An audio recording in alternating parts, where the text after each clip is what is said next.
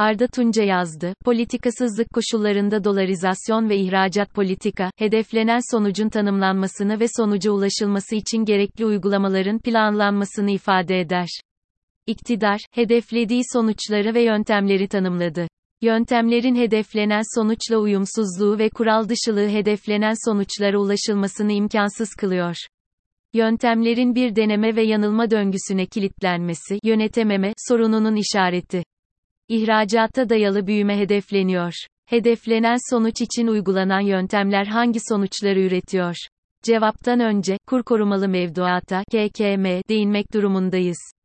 Para politikasının piyasa faizlerinden ve enflasyondan kopuşunu önceki yazılarda ele aldık.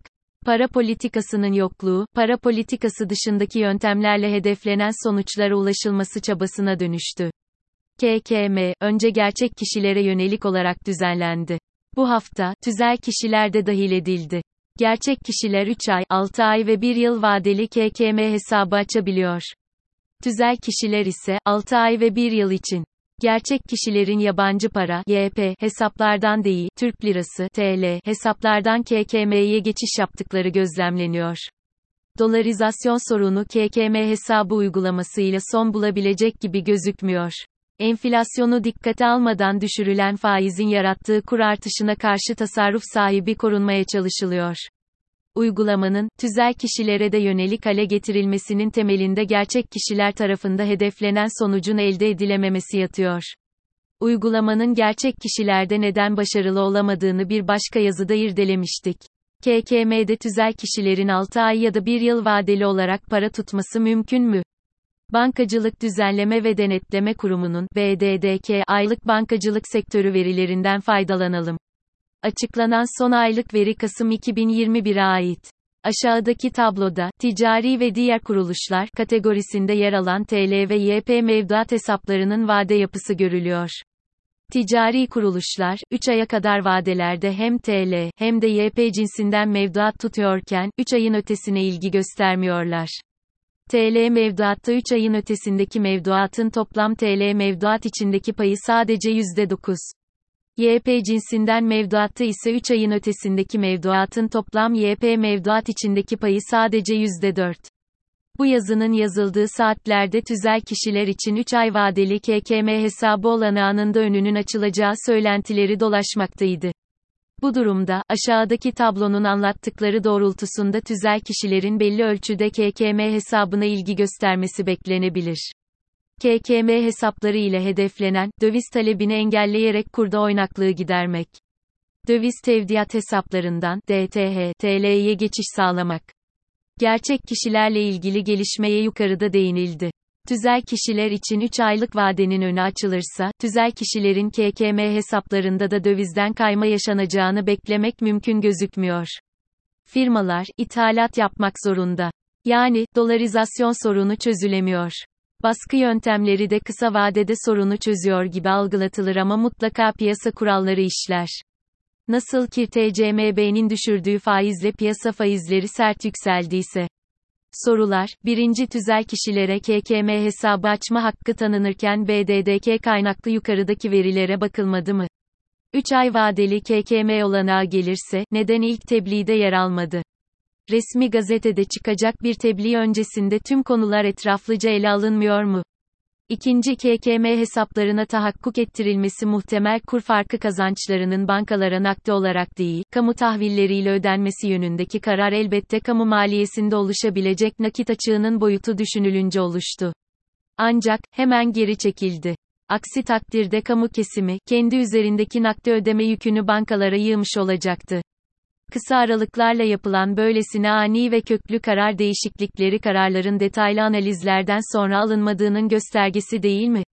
Üçüncü KKM uygulamasının para politikasının bir alternatifi olarak kullanılmasıyla dolarizasyon sorununun çözülmesini beklemek ne kadar gerçekçi?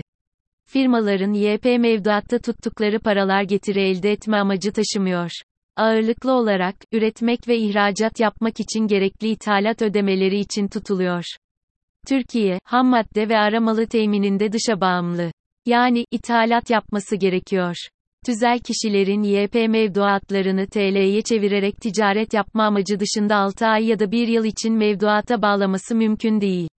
Firmalar için KKM hesaplarında vergi avantajı olmasına rağmen. Nokta. Öngörü yapabilmenin bugüne göre çok daha mümkün olduğu koşullarda dahi firmaların en az 6 ay için paralarını mevduata bağladıkları pek görülmüş bir durum değildi. Amerikan doları, USD, TL kurunu belli bir düzeyde tutmak için TCMB müdahale ediyor ve rezerv kaybına uğruyor. Doğru para politikası yerine rezerv kullanılarak USD, TL kurunun belli bir düzeyde tutulmaya çalışılması piyasada tedirginlik yaratıyor. Firmalar, ticari ihtiyaçları dışında YP'den TL'ye geçiş yapmaya meyilli değiller. İhracat bedellerinin %25'inin doğrudan TCMB'ye satılması zorunluluğundan da rahatsızlar. Firmalar ve ihracatçılar, kullandıkları kredilerle ticaret için ihtiyaç duydukları dövizi almakta zorlanıyorlar. Ticari faaliyetlerindeki kararlarını serbestçe alamıyorlar. Üzerlerinde, ticaretin ve serbest piyasanın mantığı dışında oluşturulmuş baskılar var. İhracatçı, eski yıllarda da ihracat bedellerini TL'ye çevirmek zorundaydı. Hatta, bedellerin %100'ünü, ihracat bedelleri TL'ye çevrildikten, mevzuatın zorunlu kıldığı işlem yapıldıktan sonra ithalat için gereken TL miktarı yeniden YP'ye çevrilirdi. Döviz satış ve alış kuru için muhatap bankaydı. Şimdi, döviz satışta muhatap TCMB, alışta ise ilgili banka. Banka, firmalara döviz satarken TCMB'nin dövizi satın almak için firmalara zorunlu tuttuğu kuru kullanmak zorunda değil.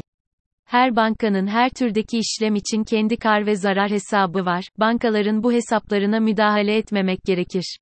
Ancak, iki farklı kur ile döviz satış ve alış işlemi yapmanın ihracatçı için kur zararına katlanma olasılığı var. İhracatçı, uygun maliyetli reeskont kredilerini son haftalarda kullanamıyor.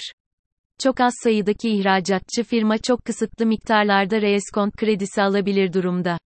Sorular 1. Kuru belli bir düzeyde tutmak için doğru para politikası uygulamak yerine TCMB rezervlerini kullanmanın bedeli neden ihracatçıya ödetiliyor? 2. Hedeflenen, ihracatla büyümek değil miydi? O halde, neden reeskont kredilerinde kullanım kısıtlamaları söz konusu? Dış ticaret hadleri adı verilen kavram, ithalat ve ihracat arasında değer karşılaştırması yapmaktadır. Basitçe ifade edilecek olursa, dış ticaret haddinin %100'ün altında olması, ithalat fiyatlarının ihracat fiyatlarına göre daha hızlı arttığını ifade eder durum, o ülkenin ithalat yapabilme ya da satın alma gücünün düştüğüne işaret eder. Aynı miktarda mal ve hizmet ihracatı yapabilmek için daha fazla mal ve hizmet ithalatı yapılması gerektiğini anlatır. Aşağıdaki grafikte yer alan gri renkli çubuklara bakınız. 2010'dan bu yana gri çubukların ne zaman %100 çizgisini geçtiğini ve ne zaman altında kaldığına bakınız. Kaynak, Turkey Data Monitor grafik şunu anlatıyor. Türkiye, katma değerli üretim yapmanın yollarını aramadığı ve yapısal sorunlarını çözmekle uğraşmadığı için yaptığı ihracat ile kalkınma sağlayacak kaynakları yaratamamaktadır.